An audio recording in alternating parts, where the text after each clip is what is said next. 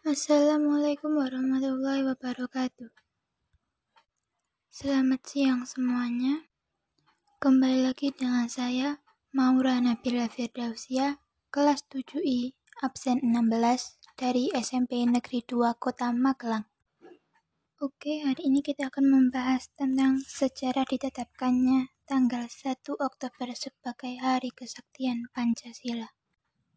Hari Kesaktian Pancasila 1 Oktober 1965 faktanya erat berkaitan dengan peristiwa Gerakan 30 September 1965.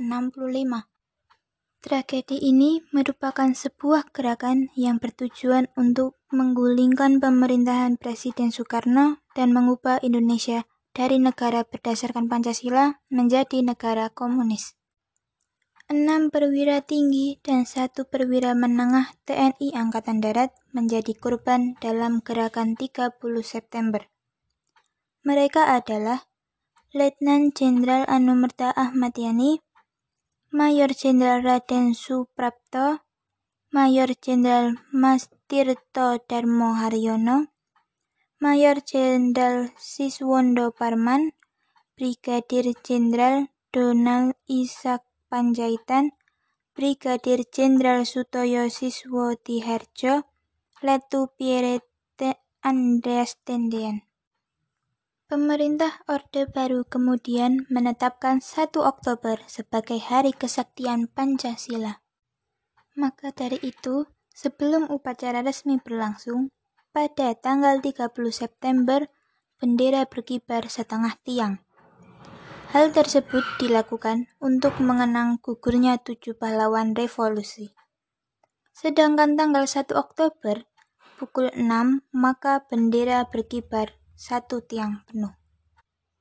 Hari Kesaktian Pancasila memiliki makna sebagai hari perkabungan nasional karena adanya tragedi penculikan dan pembunuhan tersebut. Tak hanya itu, pasca tragedi itu terjadi pembersihan semua unsur pemerintahan dari pengaruh PKI, mulai dari anggota organisasi hingga simpatisan. Maka dari itu, kita harus memiliki tekad yang kuat dalam menjaga dan mempertahankan Pancasila. Contoh tindakan nyata dalam kehidupan sehari-hari untuk menjaga dan mempertahankan Pancasila adalah dengan menunjukkan rasa kecintaan pada budaya Indonesia. 2. Mengisi kemerdekaan dengan melakukan kegiatan yang mengharumkan nama bangsa. 3. Berbuat sesuai dengan peraturan perundang-undang yang berlaku. 4. Mencintai produk dalam negeri. 5. Turut membela tanah air jika ada ancaman. 6. Tidak merusak sarana atau fasilitas umum atau negara. Dan yang lainnya. Sekian pembahasan kita hari ini. Kurang lebihnya mohon maaf. Wassalamualaikum warahmatullahi wabarakatuh.